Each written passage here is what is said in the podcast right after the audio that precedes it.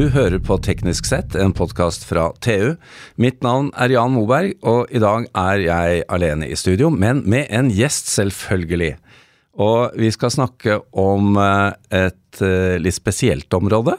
Som eh, kanskje ikke ville skjedd fra Norge hvis ikke det var at vi var så gode på sensorteknologi. Så vi har rett og slett fått med oss en daglig leder av et selskap som lager fantastiske spill, vel, i hvert fall veldig spennende for meg, basert på sensorikk. Og uh, Pippa, welcome to studio. Thank you. We have to uh, tell the audience that this will be in English because you are a Canadian operating in a Norwegian company from Norway to the international market. Yes, thank and you very much. um, we, which first of all, we have to just tell the audience what what are we talking about here? The company is called Playfinity.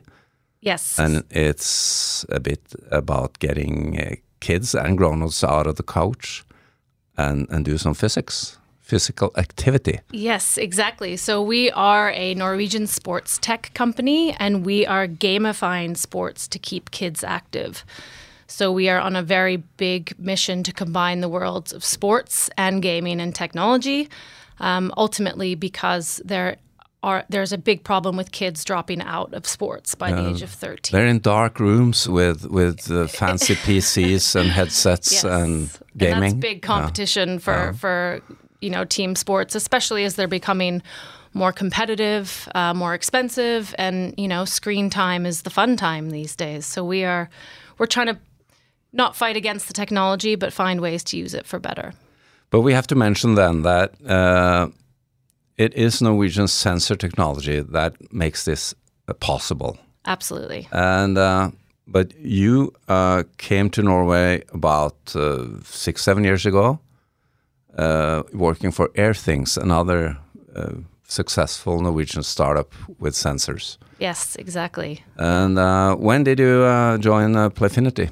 So I joined Playfinity um, in October of 2022, actually. So almost six months ago. Yeah, half a year. Yeah, yeah. And then I guess the audience is very interesting now hearing about the products. yes. Yeah. So um, should I take it away and talk Take bit it about away. Yeah. So so um, ultimately um, the products are yeah, if we break it down, it's it's it's sports equipment which has sensors inside and it connects to an app full of games. So we are combining uh, real time physical play with virtual digitized play. And we are using all the elements of gaming that kids love, and we're creating experiences in the app that, that meet those, those same um, feelings. So, community building, avatars, being able to create challenges. We're doing all of that, but you use the sports equipment as the gaming console. Yeah. And talking about the hardware Yes. and, and the physical products, I'm holding a baseball in my hand. Yes. and it says Playfinity, and it it's sort of I'm not a baseball player, but but, But it feels like a baseball. Absolutely, Yeah. it does. Yes, yes. And uh, or or even uh, softball is is also a, a It's a bit product. bigger. It's yeah. a bit bigger, yeah. And this has sensors inside. Yeah, it does. And if I throw it, it will show up on the app on my mobile how fast I'm throwing it, yes. How high? how high, how uh, long, Distance. distance, If it drops. exactly. And basically, we use all those. So we aren't so much on showing you those specific stats. You can get those. But what we're doing is using all of those details to create games. So, for instance, we have one game that's called Longer and Longer. So you start with a friend playing at a distance, and then each throw, you go further and further and further away for 60 Yeah. seconds. Um, there's another one that's called Higher and Higher. So each throw, you're just trying to throw it a little bit higher, a little bit higher. Exactly. So we use all those elements to gamify the experience. And and uh, we have, I mean, these products are in the market. They are. How? uh, let's talk about this baseball here. I mean, baseball is not a Norwegian sport. I mean, it is North America and um, Pakistan, is it? Well, Japan. Japan, Yeah, yeah. Japan. Yeah, yeah. I mean, there's there's a story behind um, the company, obviously, which I'm sure we'll get to. But um, the baseball is, I have to say, regulation size and weight. We have learned that we can't, you know, if you're going to play with this ball, you have to. It has to feel like Yeah. it's a baseball. Um, we launched this product in 2022, um, and we've sold 4,000 units so far. And of course, you know, most of the customers are in North America, but we do see there's an amazing community of players around the world. Uh, and of course, as you mentioned, Japan is a big market opportunity for us. There's so many questions, but I have to ask you because I didn't get to go to uh, CES this year. You were there. Yes, absolutely. Uh, in Las Vegas for the Consumer Electronics Show. How, how I mean, that was the first time. It was. It was for Playfinity. Yeah, it was our first time, and it was our first official launch in North America. Yeah, but you've been there with Airthings it was my tenth CES. Yes. Tenth. And how was this different? so I have to say, and and with all due respect to all the companies I've been there with, I have never been so busy at CES in my ten year history. It, it was everything from before the show opened till after the show closed with other exhibitors coming over to, to play and Yeah. to have fun, but also to learn. Um, we had obviously, you know, people who were interested professionally to come and learn about what we were doing and, and for their businesses. But also we had so many people who just on a personal side who have kids and see the need and the mission we're on who are just Oh. um, very excited about it. so you wouldn't have had time for us if we came anyway. So that's No, good to know. That's good to know. time for you. But uh, before we go on further, how did Playfinity happen? I mean, this it is sort of an odd. Uh, I I can connect it with the sensor technology that we're fairly good at yes. here. Yes, But yes. So um, yeah, the story is really interesting. Um, ultimately, the, the founder, he, uh, his nephew was very big into handball, as as many are Yeah, here in yeah. Norway. Um, and he then started to notice that his nephew was spending most of his time gaming. So it went from you know oh, he wanted him back on the and court. he wanted him Yeah. back back out playing. Yeah. So he thought rather than trying to say you can't game, he thought you know as an industrial designer, he was obviously thinking how can I create a product and experience that provides the same um, experience that he gets from gaming, and and together with um, another founder from. TI and a founder from Lego, um, you know, the three of them together having the, the play background, the the technical background, and the industrial design background, um, and then, of course, there was another founder um, who was also in the software world. You know that uh, they came together and and at first created a product that was just an orange sort of squishy ball.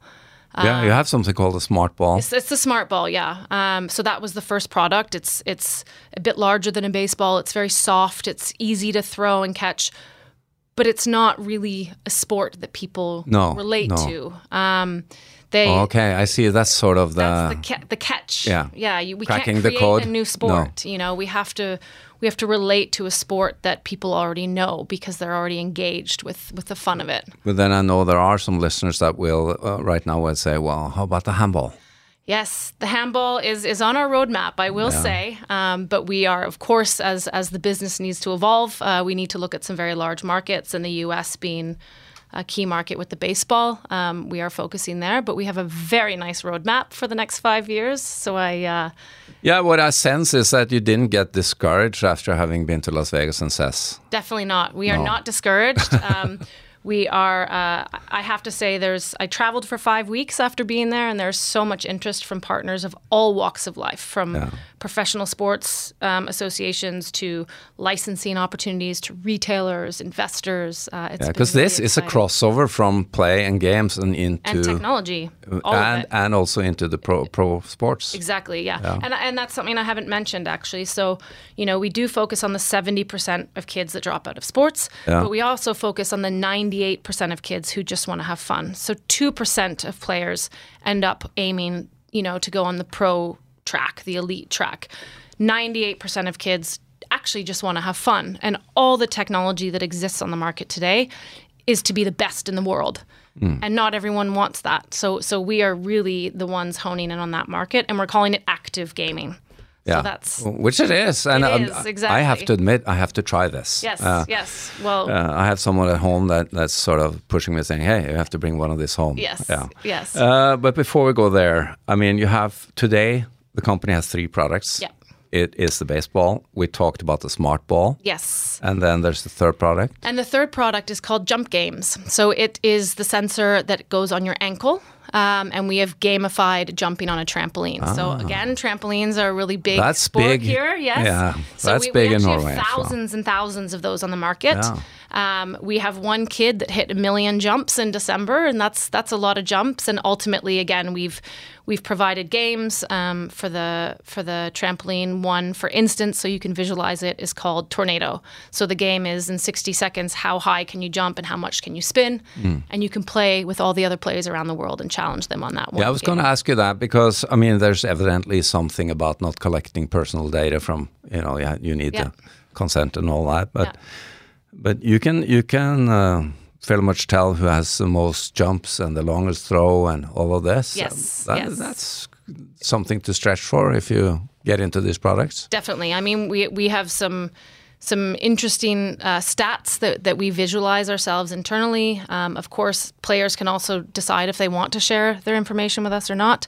Um, but then when you challenge other players around the world, you know, in your challenge, you're seeing each other's uh, specs as well. So um, it's it's very interesting. And again, when this one kid hit a million jumps, that's quite quite a milestone. Uh, I'm I'm I'm. Uh, Something for you to go up against. Well, I was going to say it's not even tempting trying to uh, to challenge that goal, but um, I'm sure now a few of the listeners are are asking uh, pricing Yeah. on these products. Yes. Yes. So the baseball is $99. So, uh, yeah, 990 kroner. Yeah, a thousand kroner. Yeah, a thousand kroner. Um, and the jump games and the smart ball are both $79, so 790 Yeah, and you and you download the app and register. Everything is free. And, yes. Yeah, so the app is free, the games are free. We really, you know, kids first is one of our values. So everything is registered as a toy, so it's safe for all ages. And the app is kid friendly, user friendly, no ads, no subscription. Um, yeah. But I have to ask you. Yes. Uh, I, I mean, this is fascinating that this is is sort of coming from our little nation. but you're you're yourself a Canadian, a North American. How is it running a business like this from here? Yeah, I mean, I have a lot of fun doing it, um, but I, I think you, you know, for me, uh, one part that makes it that's critical is that you know the market, right? So, I guess being from North America myself and having experience working over there a lot, there there are elements that I understand. But also, I, you know, anyone you speak to that I've worked with, I travel a lot. I think it's important that you're on the road and you're in your markets and you're seeing what's going on and you're networking. Um, I, I would say it's it's not um, it's fun, but it's also when you're especially with the baseball for instance right? We're a small norwegian company trying to scale this you know global or this large north american sport.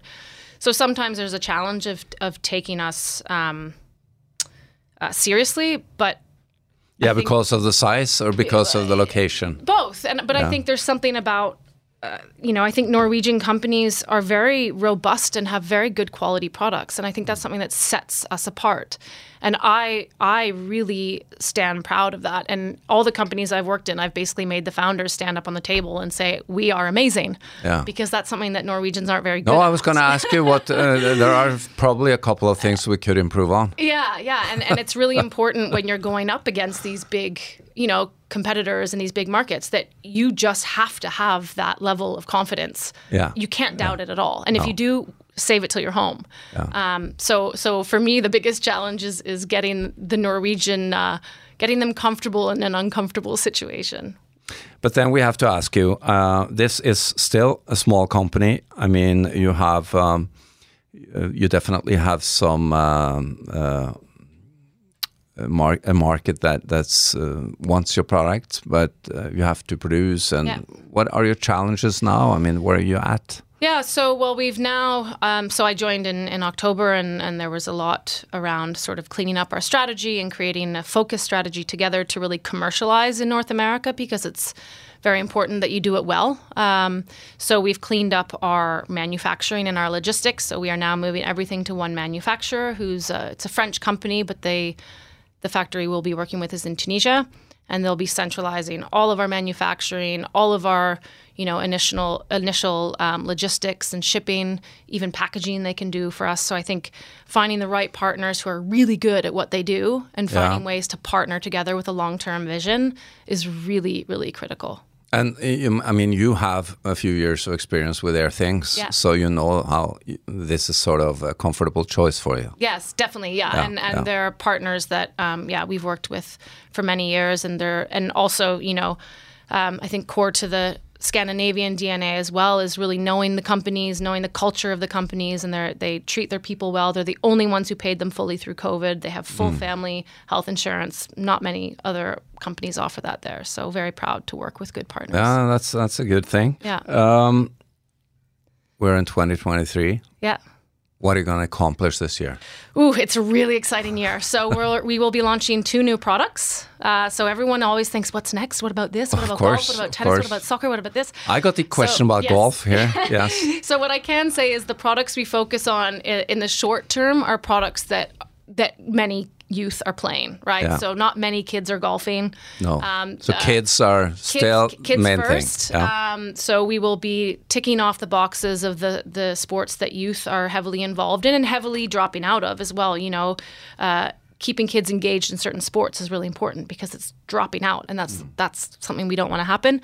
Um, we will also be doing a, a fundraise um, and growing the team. Um, you know, really honing in on our um, app development and our gamification and our gaming uh, resources, as well as the commercial team. So we don't, you know, we we have next to no commercial team right now. And No, I- getting feet on the ground in our markets and finding partners. I'm so excited to announce some partners that we have coming up, uh, and I'll share those with you uh, Well, we're we're excited. in the next couple of days. How many how many people are you in the company now? Yes, so we're nine. Nine, Nine okay. people, six Yeah. nationalities. Yeah.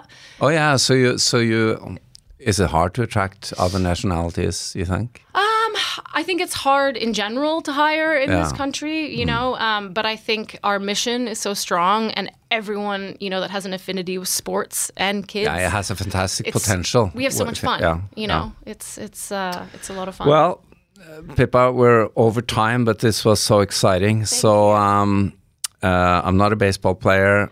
I'm not a handball player. I'm a golf player, but I'm going to try this. yes, okay? absolutely, Yeah. absolutely. So, thank uh, you. Thank you, Pippa Boothman, CEO. Is that what we can call you? Yes, yes, Of yes, Playfinity. yes. And good luck with 2023. And will there be a bigger booth at CES next year? Oh yes, there's going to be a big, fun, playful booth. Well, hopefully CES we'll be able year. to see you there. Definitely. Thanks for coming. Thank you.